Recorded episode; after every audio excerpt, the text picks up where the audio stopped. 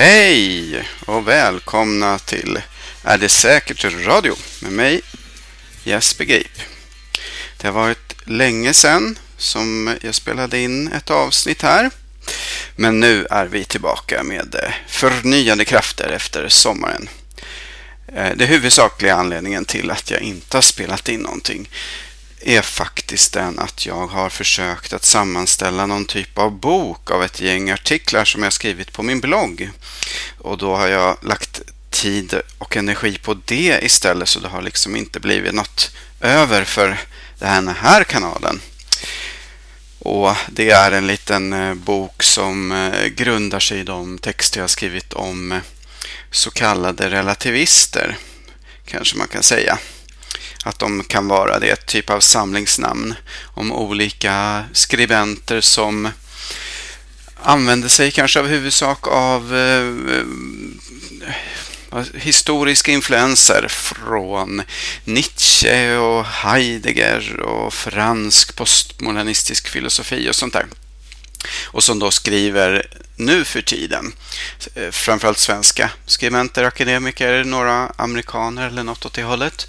Eh, och deras skriverier som jag då tycker är lite mindre lyckligt. De är inte så jätteinnehållsfulla. Faktum är att det är till och med ganska innehållslöst, vill jag hävda. Eh, det är svårt däremot att få grepp om innehållet eftersom de flesta av de här texterna använder ett språk som är eh, oerhört komplicerat att eh, dechiffrera. Det, de använder märkliga ord och konstiga meningsbyggnader och det är svårt att följa logiken. Och eh, inte i alla texter, men i flera av dem. Men mitt syfte där har varit att försöka att ändå koka ner vad är det de säger. Om det går att få reda på vad de säger och, och hur, vad ska man då dra för slutsatser av det här de eventuellt säger. Ehm, men jag tror att jag pratar vidare om det här vid något senare tillfälle. Ehm, för idag tänkte jag istället prata om sociala innovationer och om målstyrd forskning, eller målstyrd verksamhet. Ehm, jag ska säga också innan vi går igång på det att det här är det säkert radio då, är ju min lilla radiokanal som försöker avhandla saker som jag tycker är bra och positiva.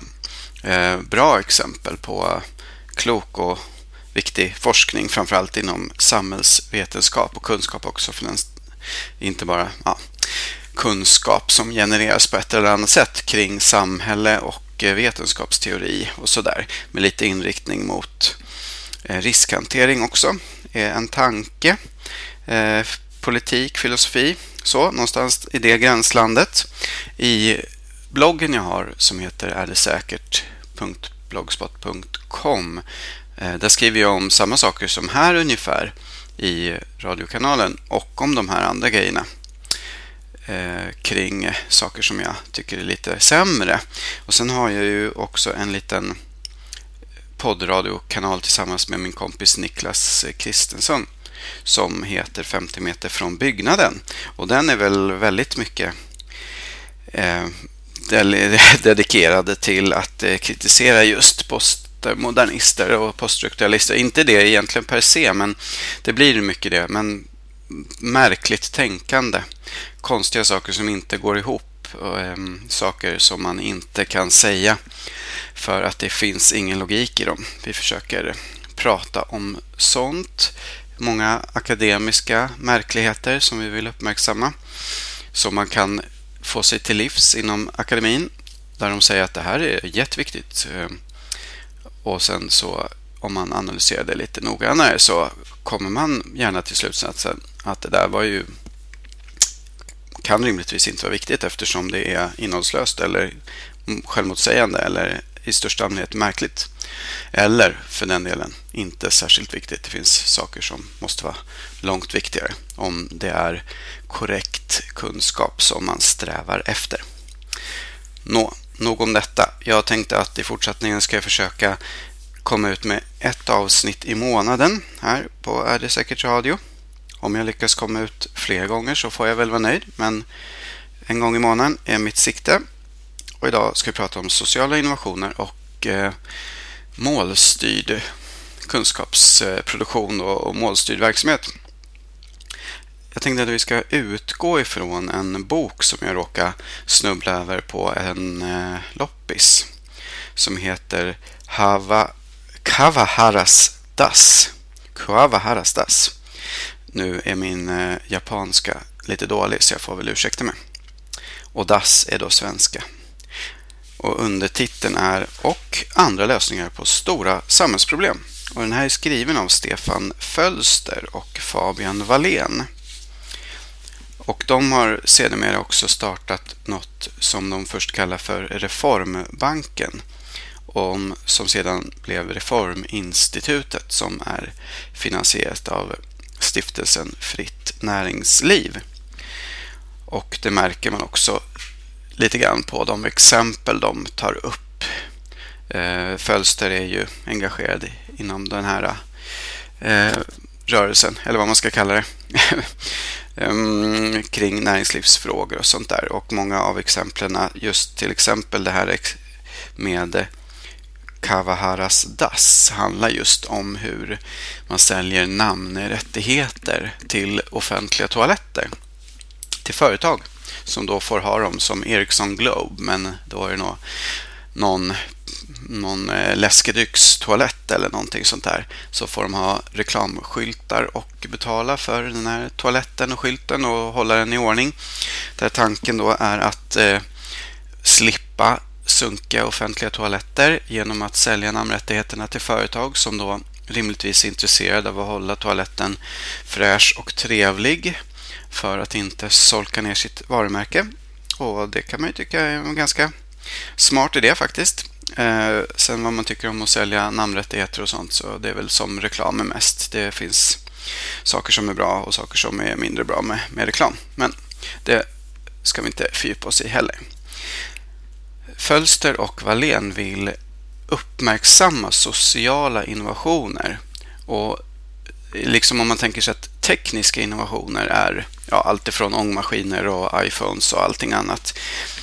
De får ju ganska stort ehm, eh, stor spridning och stort intresse i världen och det är inte helt ovanligt att man vet vem som har kommit på dem. Men de vill då hävda att det inte alls är fullt lika vanligt att man vet vem som har kommit på sociala innovationer som kan vara ja, minst lika viktiga, beror på vad man ser för aspekter. Men eh, för, för folks eh, säkerhet och trygghet och liv och allt möjligt. Och, eller bara för att man ska ha det bättre. Ehm, och det vill de uppmärksamma med den här boken och tar ett antal exempel. Förutom det här dasset då, så finns det några andra exempel också Eh, ett par av dem om nollrupiesedeln och om trafikregler och rondeller ska jag prata om lite mot slutet, tänkte jag. Men syftet, poängen med sociala innovationer vill de säga och hävda är lösningar på problem och det känns ju oproblematiskt. Och så tänker de vidare att eh, sådana sociala innovationer företrädesvis ska vara enkla och de ska vara testade och testbara. Och testbara och testade och evidensbaserade liksom helst, att de faktiskt fungerar. Och helst också komma underifrån. Eh, det där är lite oklart för om de hävdar att de bör komma underifrån. Inte genom då liksom uppifrån planering utan från enskilda eller ja, idéer och så om det är något som de hävdar att det borde vara så eller att det ofta är så. Det är inte riktigt uttalat. Men de säger däremot ganska uttalat att storskaliga komplicerade lösningar på sociala problem ofta kommer ur politik, ur eh, administration och byråkrati från politiker och sociologer och så. Eh, där kommer det komplicerade storskaliga eh, förslag på lösningar eller lösningar på samhällsproblem. Och då före, tycker de att man ska ge företräde för enkla och underifrånkommande. Eh, och det generellt låter ju det klokt sådär. Framförallt att man ska lyfta fram och förenkla för förslag som kommer underifrån. Det är ju alldeles utmärkt. Eh, men med det sagt så finns det självklart många tillfällen där storskaliga lösningar är ja, av nöden tvunget. Det beror väl på lite grann vilket område man pratar om. Däremot så är det väl alltid bra oavsett om lösningen är storskalig eller småskalig eller kommer liksom i hela Sverige samtidigt eller börjar testas i, i en rondell i Åmål eller någonting sånt där eh, så är det ju viktigt att man faktiskt har förslag som är från början då är testbara och att man sedan testar dem för att undersöka om de faktiskt fungerar. För att genomföra förslag på förbättringar som man inte vet om de fungerar eller inte. Det är ju att spela ganska högt med både mänskliga och ekonomiska och andra typer av resurser. Eh, om det då visar sig att det faktiskt inte fungerar. En annan lite märklig sak med boken och deras ehm, författarnas eh, emfas här på underifrånkommande exempel och att sociologer och andra kommer med storskaliga komplicerade förslag. Det är att många av exemplen som de själva väljer att prata om och diskutera och fram, lyfta fram kommer just från byråkratier, måste man väl säga, från planeringsorgan, från trafik planeringsorgan i Sverige och utomlands, från FN-systemet, Eh, från någon UNHCR eller någonting sånt där, människor som då är aktiva inom de här organisationerna. Ehm, eventuellt kan man väl se att det fanns en aspekt av deras förslag från just att de här sociala innovationerna kommer från enskilda människor inom de här organisationerna. Men eh, det gör det väl å andra sidan alltid. Det är väl sällan som en organisation i sig kommer på en lösning utan det är alltid någon människa eller ett litet antal människor som, som kommer på och jobbar fram ett förslag. Även om sen en stor och tung och allomfattande byråkratisk organisation sen skulle kunna genomföra den. Men det är lite märkligt att man väljer exempel på, från byråkratiskt påkomna saker om man tycker att det är lite konstigt. Men det är i alla fall, de ger, ger bra exempel så att det är inte inget problem med det. Men eh, det är lite inkonsekvens i deras emfas av underifrånkommande och sådär. Ja, så, men, men jag tycker personligen själv att sociala innovationer är väldigt intressant och att det ska, såklart ska vara lösningar på problem och givetvis är det så att de måste gå att testa. De bör också testas ordentligt innan de genomförs i stor skala. Och det skadar inte om de är enkla. Om de kan vara enkla, eller så att säga, de ska vara så enkla de nu kan vara utan att vara för enkla. För då kanske de inte hjälper. Och om det kommer underifrån är väl det inget fel det heller. Det är bra att hjälpa till och bidra till att eh, förslag kommer fram. För då kan man förvänta sig att det kommer fler förslag som man sen kan välja mellan och komma fram till de bästa. Men en, det som jag framförallt vill nu fortsätta lyfta fram och eh, så att säga sätta fingret på det är ju målstyrningen i det hela, syftet. Precis som tekniska innovationer är ju sociala innovationer Ehm, skapade för att uppfylla någon typ av syfte. Såklart kan man tänka sig att några tekniska innovationer och säkert kanske någon social innovation bara uppkommer i någon typ av leksamt test eller för att man vill prova om något funkar.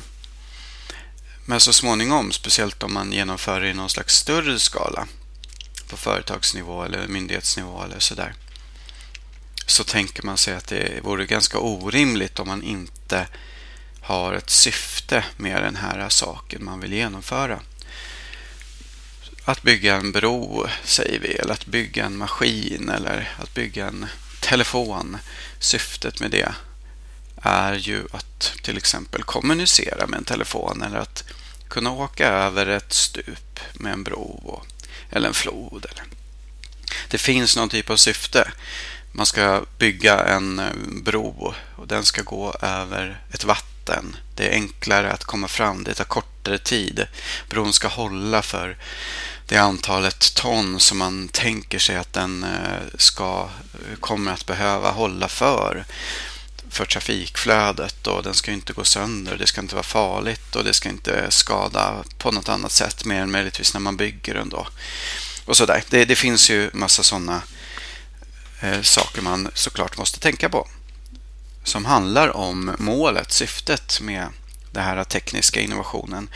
Samma sak skulle jag vilja hävda gäller såklart sociala innovationer. Att det finns ett syfte med dem.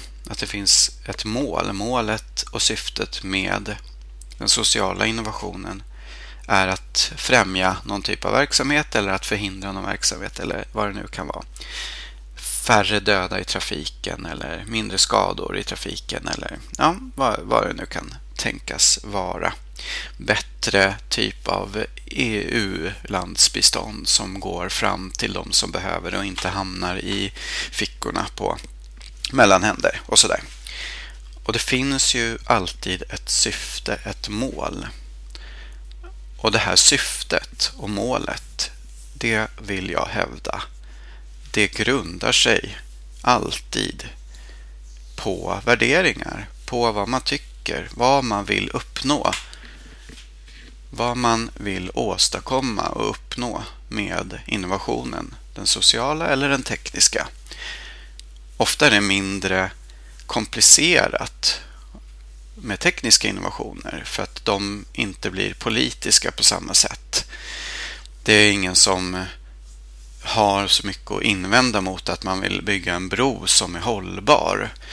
Men ska man genomföra en social innovation för att flera människor ska betala sin skatt i tid eller någonting sånt där. Det som vi har pratat om tidigare i avsnitten om nudging.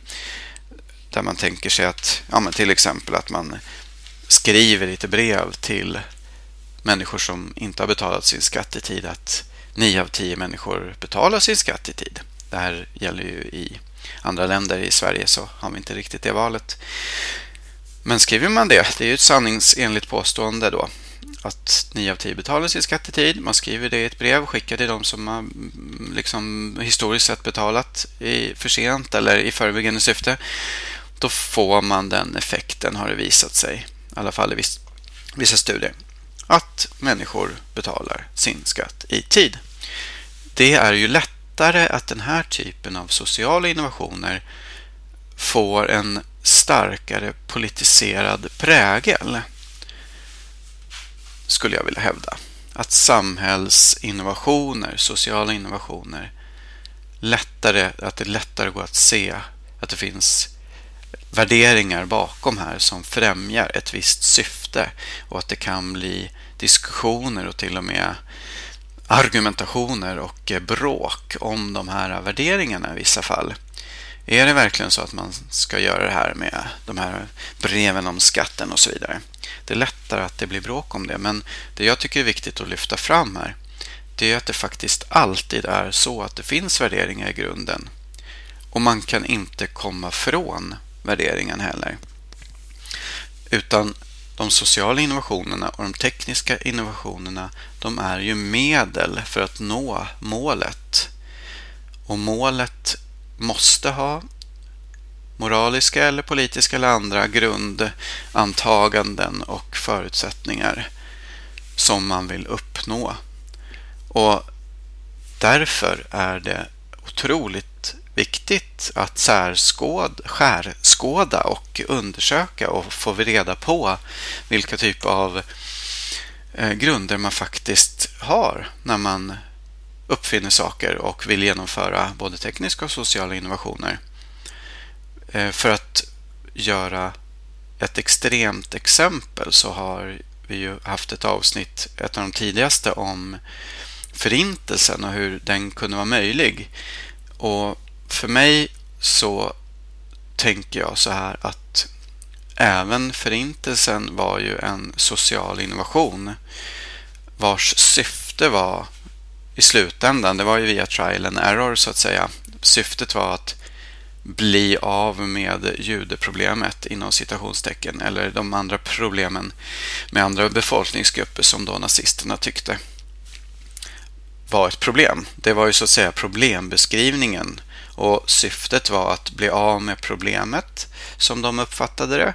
Och det började på ett sätt och slutade på ett annat som utvecklades så att säga i farten. Men det fanns alltid grundantaganden och syften i botten och medlen blev det sätt man ville åstadkomma målet.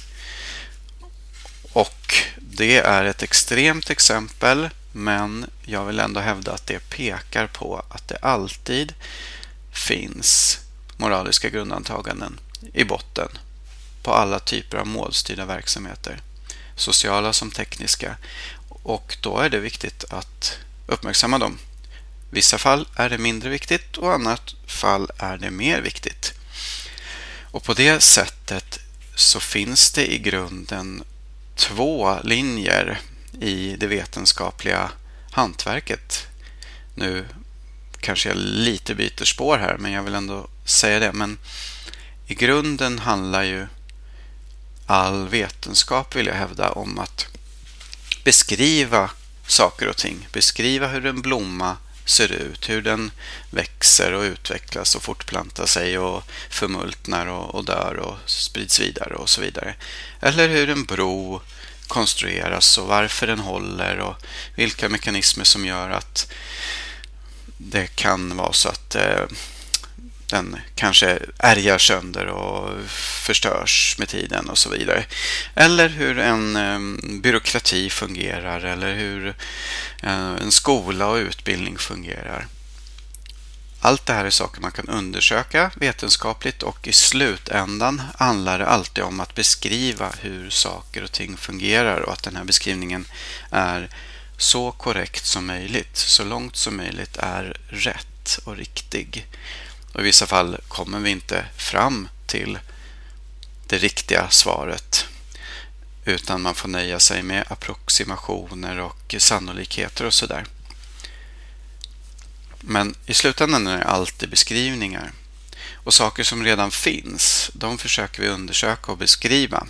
Saker som inte redan finns, som sociala innovationer som inte redan är uppfunna och tekniska innovationer som inte redan är uppfunna. Sådana saker som vi kommer på. De blir ju alltid så att säga målstyrda. Då handlar det alltid om att den forskningen faktiskt är målstyrd. Vi får någon typ av idé. Hur ska vi utforma de här breven till skattebetalarna för att eh, flera ska betala sin skatt i tid? Och Det är liksom idén. Och sen där har vi redan moraliska och politiska grundantaganden om syftet med forskningsprojektet. Och sen försöker man ta reda på det och till slut kanske man faktiskt kommer fram till någon typ av lösning som har besvarat den här frågan. Eller hur ska vi bygga den här bron för att den ska hålla för si och så många ton som vi beräknar att, att eh, det behöver passera här varje dag under dygnets mest hektiska timmar och så vidare. Den målstyrda verksamheten har alltid moraliska undertoner, moraliska förutsättningar som kan vara problematiska eller oproblematiska. Det är en annan sak, men det finns alltid där. Men i slutändan handlar det också om att när man väl har uppfunnit sina saker beskriva, förklara och beskriva hur de här sakerna fungerar så långt man kan. Ja, jag hoppas att själva den diskussionen och funderingen kring mål och syfte med sociala och även andra innovationer gick fram. Att min argumentation här inte var för flummig och eh, oförståbar. Men det var det jag i dag, dagsläget ville ha sagt om de här sakerna om målstyrning. Och med det tänkte jag säga några små saker till om den här boken om sociala innovationer. Reformbanken då som de startade från början som sen blev Reforminstitutet och blev finansierad av stiftelsen Fritt Näringsliv. Där började man att sammanställa olika utvärderingar av förslag på eh, sociala innovationer från de politiska partierna. Framförallt för att genom vissa eh, kriterier se vad de skulle vara bra för om de i sådana fall skulle uppfylla de här syftena de faktiskt sa sig vilja uppfylla. Och det kan man, eller det tycker jag är en eh, behjärtansvärd eh, grundförutsättning att man på det viset alltså försöker evidensbasera förslag, sociala innovationer. Om det kommer ett reformförslag från politiskt håll, att man tittar på vilka typer av effekter som förslaget skulle kunna få. Eh, nu hade de här Reforminstitutet en eh, stark slagsida åt eh, hur förslaget skulle påverka näringslivet och företagsklimat och sånt där. Och så behöver det absolut inte vara utan man kan ju ta hänsyn till alla möjliga olika faktorer. Det är ju bara ett par av faktorerna man skulle kunna ta hänsyn till. Men att man så att säga bestämmer sig vilka faktorer man vill undersöka och vill ta reda på vad ett reformförslag eller en social innovation skulle kunna bidra till man bestämmer sig för vad man vill undersöka och att man försöker undersöka det och komma fram till vilka effekter de skulle kunna ha och faktiskt också testa det. Det måste ju vara grunden för en evidensbaserad policy, evidensbaserad politik och evidensbasering av sociala innovationer. Det vill säga att man faktiskt vet vilka aspekter man vill undersöka. Vad den sociala innovationen tänker sig att den ska bidra med, vilka mål man vill uppnå, vad dessa mål, vilka andra mål det skulle kunna vara, vilka bieffekter det skulle kunna få och i sådana fall sen hur det faktiskt blir i praktiken. Och här någonstans så kommer ju sån här CBA, Cost Benefit Analysis, alltså in i bilden det behöver ju inte vara ekonomiskt, kostnader och eh, Eh, fram, eh, kost och benefits, eh, saker, saker som är positiva med förslaget helt enkelt i brist på ord som jag kommer på. Men det blir ju så att säga en plus och minuslista, fördelar och nackdelar, kostnader och fördelar. Vad, vad är bra? Vad är dåligt? Vad väger mest? Är någon av kostnaderna så stora att vi faktiskt lägger ner projektet överhuvudtaget trots att det finns vissa fördelar? Eller är fördelarna övervägande? Och hur ska vi komma till rätta med kostnaderna eller med nackdelarna? Kan vi på något vis komma fram till att det, vi kan göra samma sak på ett bättre sätt utan att åstadkomma de här eventuella kostnaderna eller de negativa konsekvenserna? Det måste vara grunden i all typ av sociala innovationer och eh, den evidensbaserad policy som man bör sträva efter inom den det politiska och samhällssfären så att säga. Det här reforminstitutet det verkar inte vara jätte eh, uppdaterat. De eh, lägger ut, de, jag vet inte exakt vem som gör det, jag har inte forskat i det så mycket. Men de ger ut böcker och andra skrifter och det uppdateras lite på bloggen. Men den här sammanställningen av reformer och dess påverkan den tycks inte vara uppdaterad på flera år. Så att jag vet inte riktigt ehm, statusen av det här reforminstitutet. Men själva grundkonceptet är ju alldeles utmärkt att eh, undersöka potentiella vinster och ehm, negativa effekter av reformförslag. Det är ju någonting som alltid borde göras. Men i det måste man också veta vilka effekter är det vi vill ha? Vilka effekter tycker jag är bra? Vilka effekter tycker någon annan är bra? Eh, och det blir ju faktiskt i slutändan igen, för att vara lite tjatig, i grunden moraliska och politiska ställningstaganden som ligger till grund för vilka effekter man vill uppnå och vilka effekter man tycker man kan leva med och så vidare. De två exemplen som jag vill ta upp här på slutet är trafik regler och rondeller och nollrupesedeln här på slutet. Och det exempel som de tar är två gällande trafik, alltså för det första minirondellens införande. Från början när man byggde rondeller var det stora saker som den runt Triumfvågen i Paris, som dessutom är någon typ av sinnebild för trafikinfarkter där man inte kommer någonstans. 1968 var det en Frank Blackmore som kom med idén att eh, man skulle ha små rondeller och att i rondellerna måste det vara de som är inne i rondellen som har företräde och att det är de som får komma ut först. Och själva syftet med minirondellen var att sänka hastigheten ordentligt. Och man fick prova det här i liten skala och det fick positiva effekter. 1991 kom den första minirondellen enligt boken till Växjö där man testade detta första i Sverige. Och man kom snabbt fram till att korsningsolyckor minskade med 70 procent. Och det är ju verkligen fantastiskt. Eh, och så småningom så spred sig de här eh, minirondellerna i Sverige och nu för tiden så, så finns det ju knappt en korsning kvar som man skulle kunna säga. Eh, man kan ibland bli lite irriterad på rondeller, i alla fall jag när jag är ute och kör. Men om man vet syftet med dem, att de faktiskt bidrar otroligt mycket till korsningsolyckor och därmed till mindre lidande, mindre skador på person och på, på bilar och mindre dödsfall, färre dödsfall. Då måste man ändå säga att den här lilla irritationen kan man nog leva med.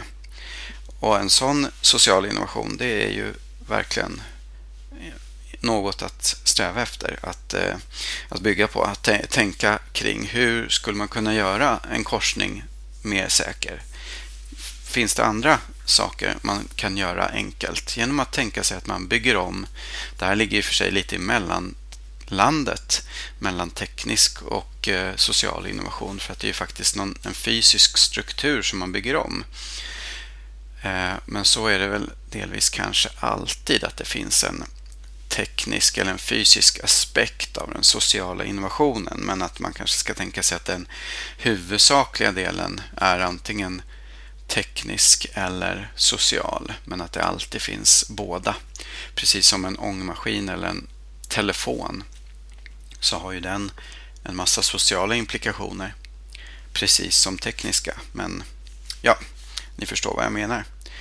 Den andra trafikrelaterade exempel som de tar det är de trafikskyltlösa småstäderna. Och de trafikskyltlösa, trafikregellösa mindre delarna av en ort kanske.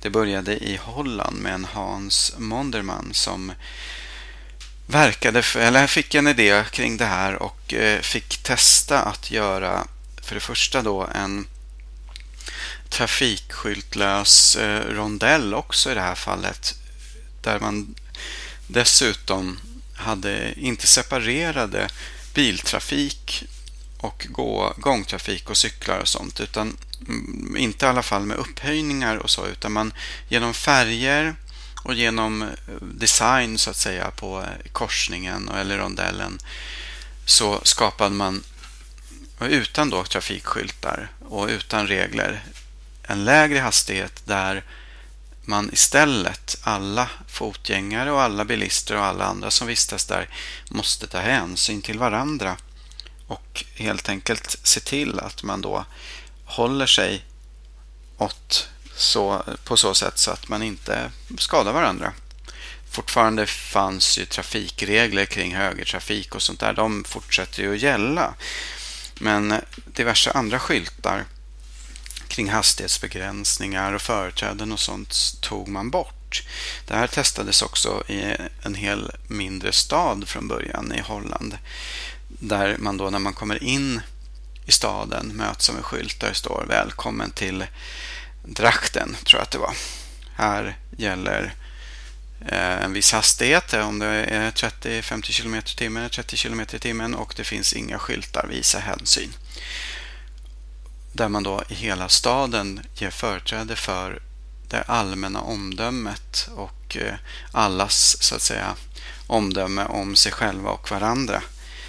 Och man drar ner hastigheten på det här sättet och lämnar till var och en att försöka att ta hänsyn till varandra. Och båda exemplen, så vitt jag förstår, har lett till eh, väldigt framgångsrikt eh, minskat antal både olyckor och dödsfall.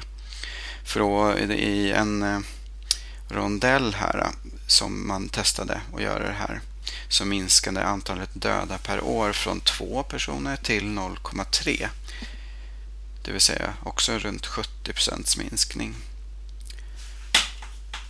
Där. Man har te testat det här på Skvallertorget i Norrköping. Det finns att läsa om det på trafikverket.se. Det finns en skrift som heter Trafiksäkerhet vid shared space. Och det är shared space som det här eh, konceptet med eh, delat utrymme och eh, inte så mycket skyltar kallas shared space sen det kom till Storbritannien.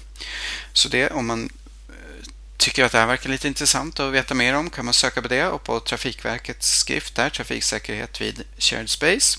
Den är värd en läsning tycker jag. Jag hittade också en liten annan, eh, eh, ja, mer eh, journalistisk artikel på citymetric.com som hette Shared Space colon a clever trick for a safer roads or a step backward into chaos som bara resonerar lite kring det här eh, och ehm, drar trådarna tillbaks till trafikens lite ursprung när bilar började komma och det egentligen inte fanns någon så mycket trafikregler alls att man på något vis blir, kom, hamnar tillbaks på den situationen. Eh, men jag tror att de slutar där i slutsatsen att eh, det väl ändå verkar vara ganska positivt, ehm, i alla fall vad gäller mindre orter eller mindre områden att det inte passar kanske större trafiksituationer. Eh, men det är även det ett spännande exempel på vad man kan åstadkomma med sociala innovationer.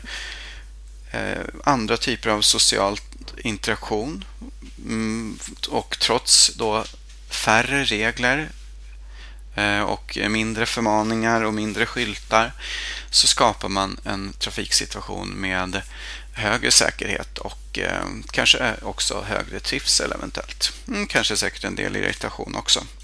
Eh, det stod det inte så mycket om. Och det sista lilla exemplet här som jag tänkte ta innan vi avslutar är en, ett initiativ mot mutor som eh, Mohan Bagat, om jag uttalar det rätt, kom på. Han var från Indien men flyttade till USA och har bott där i hela sitt liv även om han har åkt tillbaks. Så vitt jag förstår så lever han fortfarande eh, och tillbaks på semester och sådär. Eh, han är fysiker. Vid något tillfälle eh, när han var i Indien eller efter han hade varit där så, där, så kom han och, och så att säga fundera på det faktumet att de fattiga där han var ehm, de var för fattiga för att muta de lokala tjänstemännen som man behövde matkuponger ifrån. Man kunde få tag på matkuponger för att få ut mat, om det var generellt eller under någon typ av missväxt eller svält. Ehm, men i alla fall kunde man få tag på matkuponger om man var i en viss situation, de fattigaste. Men de var så fattiga så att de inte hade råd att muta de här tjänstemännen och därför inte fick tag på matkupongerna. Och där någonstans fick han en idé om att man istället för att ge en skamligt hög muta för att få rätt till det som man redan har rätt till så borde man ge en skamligt värdelös muta. Och här kom hans innovation nollrupiesedeln. Det vill säga en, inte då en äkta sedel men en papperslapp tryckt för att se ut som en sedel men med siffran 0 på. Och även en del annan kortare information som i stil med att eh, verka mot mutor eller något åt det hållet. Eh, och så står det 0 rupees.